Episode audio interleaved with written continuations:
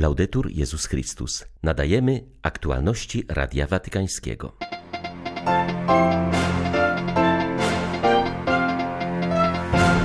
Wojna jest straszna, ale nie wolno się poddawać. Trzeba wierzyć, że z tych popiołów może wyrosnąć coś nowego, powiedział papież na audiencji dla Europejskiego Instytutu Studiów Międzynarodowych. To ważne, że zwierzchnicy religijni z Ukrainy osobiście mogli przedstawić w Watykanie realną sytuację w kraju, mówi arcybiskup Mieczysław Mokrzycki po spotkaniu z papieżem i szefami watykańskich dykasterii. W południowej Hiszpanii doszło do islamistycznego ataku na dwa kościoły. Nie żyje kościelny, cztery osoby są ranne. 26 stycznia witają Państwa ksiądz Krzysztof Ołtakowski i ksiądz Tomasz Matyka. Zapraszamy na serwis informacyjny. Każda wojna pozostawia świat w gorszej sytuacji niż go zastała. Wojna jest porażką polityki i ludzkości, haniebną kapitulacją, porażką w obliczu sił zła, przypomniał papież na audiencji dla Europejskiego Instytutu Studiów Międzynarodowych z Salamanki. Jak podkreślił Franciszek, nieustannie należy zabiegać o pokój, pamiętając, że to trudne, bo człowiek spontanicznie chwyta za kamień, wypowiada wojnę. Odchodząc od przygotowanego wcześniej tekstu, Franciszek ponownie podzielił się swymi refleksjami z odwiedzin na cmentarzach wojskowych z I i II wojny światowej. Podkreślił, że te miejsca powinny być dla nas szkołą szkołą życia. Tymczasem ludzkość pozostaje zorientowana na zniszczenie. Największe środki przeznacza się na zbrojenia. Kościół natomiast głosi pokój, który Pan Jezus obiecał swym uczniom. Taki pokój nie tylko przewyższa to, co możemy osiągnąć za pomocą czysto ludzkich środków, ale także stawia przed nami wyzwanie, aby nie opierał się on jedynie na równowadze sił lub na tłumieniu słusznych żądań najmniej uprzywilejowanych. Wojna jest straszna. Nie wolno nam się jednak poddawać. Z popiołów, które dziś widzimy, może wykiełkować coś nowego. Z tej porażki możemy wyciągnąć lekcje życia. A to, co wygląda na klęskę i nas zawstydza, może jak skandal krzyża stać się zwycięstwem. Jak? Jeśli poprzez naszą modlitwę i naszą pracę będziemy w stanie dostarczyć rozwiązań, jednoczyć wolę, dać świadectwo, że miłość, braterstwo, a także prawdziwy humanizm, zrodzony z wiary, przezwyciężają nienawiść, odrzucenie oraz brutalność. Przebywający aktualnie w Watykanie wraz z całą delegacją Ukraińskiej Rady Kościołów i Organizacji Religijnych arcybiskup Mieczysław Mokrzycki podkreślił w rozmowie z rozgłośnią papieską ważne znaczenie tego, że to cała wieloreligijna i wielowyznaniowa grupa spotkała się z Ojcem Świętym i przedstawicielami wielu dykasterii Stolicy Apostolskiej. Stanowi ona jakby najszerszą reprezentację społeczeństwa obywatelskiego Ukrainy. Metropolita Lwowski obrządku łacińskiego podkreślił podkreślił wielkie zaangażowanie Franciszka w pomoc dla udręczonego narodu i w położenie kresu wojnie. To było dla nas bardzo ważne, że wszyscy przedstawiciele wyznań innych religii mogli przyjechać tutaj do Ojca Świętego, do stolicy apostolskiej, by osobiście wyrazić swoje uczucia, przedstawić realną sytuację, jaka panuje w Ukrainie.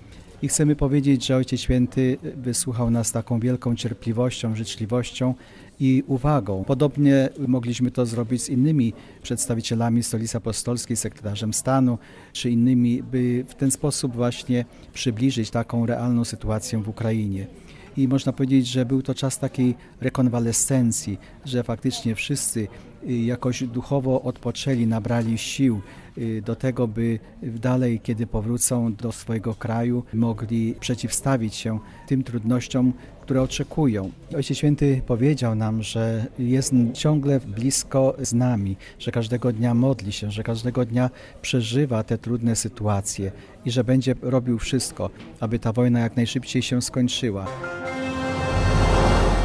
Kardynał Konrad Krajewski w rozmowie z Radiem Watykańskim przywołał obraz z dziejów apostolskich, kiedy wierzący przynosili swoje dary dla potrzebujących i składali je u stóp dwunastu. Podobnie dzisiaj ludzie z całego świata obdarowują biednych przez papieża Franciszka, wpłacając pieniądze na konto Urzędu Dobroczynności Apostolskiej. Potem jest to rozdzielane potrzebującym w różnych miejscach globu. Jałmużnik papieski dodaje, że kryterium dobrze spełnionej misji stanowi puste konto oraz puste magazyny, bo to oznacza, że pomoc trafiła tam, gdzie powinna. Dziś rano zadzwonił jeden pan z Benevento, tu z Włoch i postanowił 200 tysięcy swoich oszczędności, które miał na koniec życia, ale postanowił ofiarować Ojcu Świętemu, bo on je dobrze zagospodaruje. Także pojadę do Beneventu podziękować mu za to, a te pieniądze będą przeznaczone nie tylko na Ukrainę, bo przecież nie tylko mamy wojnę na Ukrainie, ale mamy i w Syrii, mamy w Kongo, mamy w południowym Sudanie, mamy w wielu krajach Afryki, więc y, owszem, Ukraina jest nam dzisiaj bardzo bliska, bo mamy granicę z Ukrainą. Dzisiaj też wysłaliśmy 64 generatory zakupione właśnie z tych pieniędzy. Y, takie potężne generatory, które mogą pociągnąć linię elektryczną kilku domów.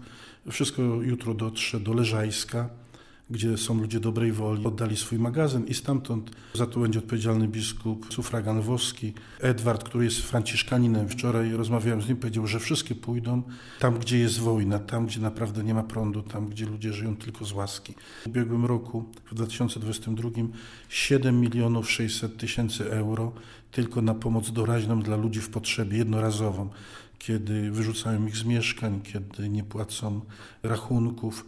To wszystko robimy przez proboszczów lub przez nuncjuszy, a na Ukrainę oprócz tego 2 miliony euro, które właśnie zostały rozdzielone dla najbardziej potrzebujących.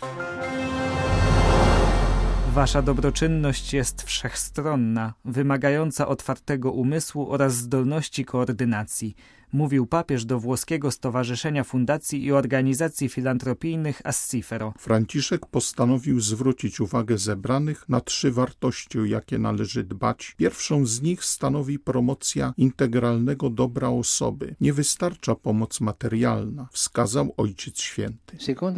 Druga wartość słuchanie miejscowych wspólnot. Bardzo ważnym jest, aby wasza działalność nie została ograniczona do sporadycznej pomocy, ale siała ziarna na przyszłość bliskość tam, gdzie ludzie żyją. Trzecia wartość bliskość względem ostatnich. Istnieje powiedzenie, które wskazuje, że łańcuch jest tak mocny, jak jego najsłabsze ogniwo podchodzić bliżej do najsłabszych, nachylać się nad ich ranami.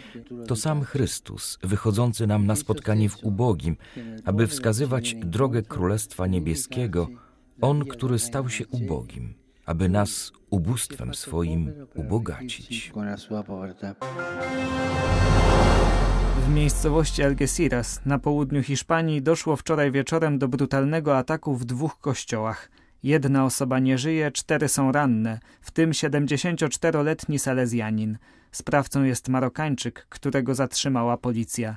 Wszystko wskazuje na to, że chodzi tu o atak terrorystyczny. Około godziny 19.30 25-letni Marokańczyk Yasin Kanza wtargnął z maczetą do kościoła świętego Izydora, w którym trwała msza święta. Z okrzykiem Allah jest wielki ruszył w stronę ołtarza, niszcząc po drodze obrazy i inne przedmioty. Maczetą ciężko zranił w szyję księdza Antoniego Rodrigueza. 74-letni Salezjanin uratował życie tylko dzięki natychmiastowej pomocy. Jego stan jest poważny, ale stabilny.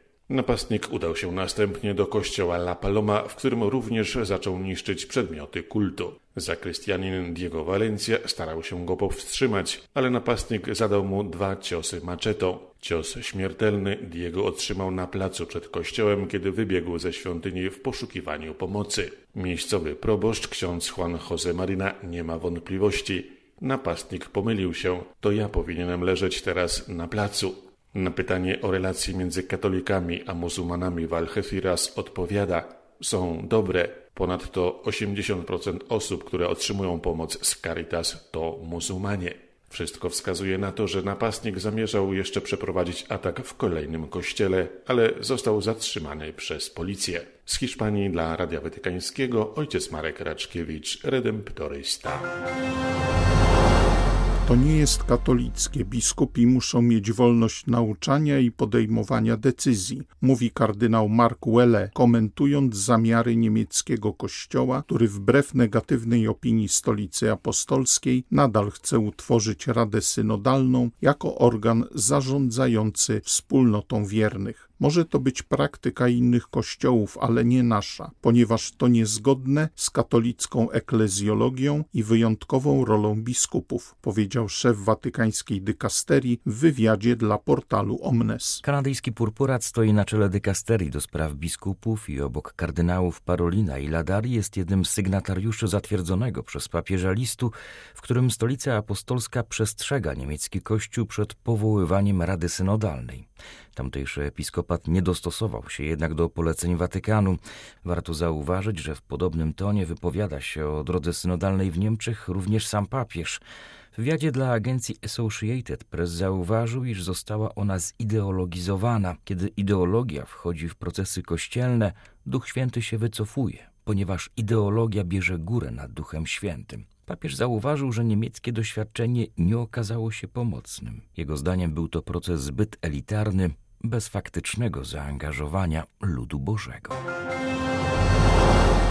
Wieczernik na Syjonie był miejscem ekumenicznego spotkania w tygodniu modlitw o jedność chrześcijan w Jerozolimie, odbywającym się tam nieznacznie później niż w Kościele Powszechnym. W liturgii przygotowanej przez benedyktynów z opactwa Hagia Sion wzięli udział przedstawiciele lokalnych kościołów oraz pielgrzymi z różnych stron świata. Ekumeniczna celebracja w historycznym miejscu ostatniej wieczerzy była najbardziej charakterystycznym momentem tygodnia modlitw o jedność chrześcijan w Jerozolimie. Dla licznych uczestników samo sanktuarium wieczernika było szczególnym symbolem daru wiary i nadzieją jedności. Miejsce, gdzie została ustanowiona Eucharystia i przekazany dar Ducha Świętego, jest bowiem znakiem nie tylko komunii z Bogiem, lecz także braterskiej wspólnoty. W tym roku w organizację ekumenicznej modlitwy w Jerozolimie włączyli się Anglikanie, Ormianie, Luteranie, Greko-katolicy, wspólnota syryjska i etiopska oraz katolicy obrządku łacińskiego, którzy przygotowali nabożeństwo w kościele patriarchalnym przy Bramie Jawskiej. Dla Radia Watykańskiego z Jerozolimy ojciec Jerzy Kraj, franciszkanin. W Rzymie zakończyło się drugie sympozjum na temat choroby Hansena, czyli trądu. Chociaż nie wynaleziono jeszcze skutecznej szczepionki na tę chorobę, można ją efektywnie leczyć, a ci, którzy zostali nią dotknięci, mogą uczyć się pracować, zakładać rodziny i rodzić zdrowe dzieci, powiedział Radiu Watykańskiemu dr Kazimierz Szałata, prezes Polskiej Fundacji oraz prezydent Międzynarodowej Unii Stowarzyszeń noszących imię Raula Folero. Wielki kongres był spotkaniem wszystkich uczestników wielkiej batalii na rzecz ludzi chorych na trąd, ludzi, którzy zostali trochę zapomniani razem z chorobą. Sesja odbyła się w kontekście 70. Światowego Dnia Trędowatych i 150-lecia odkrycia bakterii Hansena, która jest odpowiedzialna za tę straszliwą chorobę, która od wieków była była uważana za synonim największego nieszczęścia, jakie może spotkać człowieka, bo trędowaci zawsze cierpieli z powodu niegojących się ran, umierali w ogromnych mękach, ale cierpieli również z powodu wykluczenia. Na sesji mieliśmy byłych trędowatych, którzy opowiadali rzeczy straszliwe. Pani, która zaczęła chorować, sama nie mogła znieść potwornego smrodu, jakie wydzielały jej rany więc mąż ją opuścił, rodzina ją opuściła, mieszkała w jakiejś komórce, dotąd dokąd nie spotkała sióstr, które pracowały w ośrodku y, znanym dzisiaj przykładowym ośrodku założonym przez polskiego jezuitę z Wołynia, ojca Jana Bejzyma. Były to aktualności Radia Watykańskiego. Laudetur Jezus Chrystus.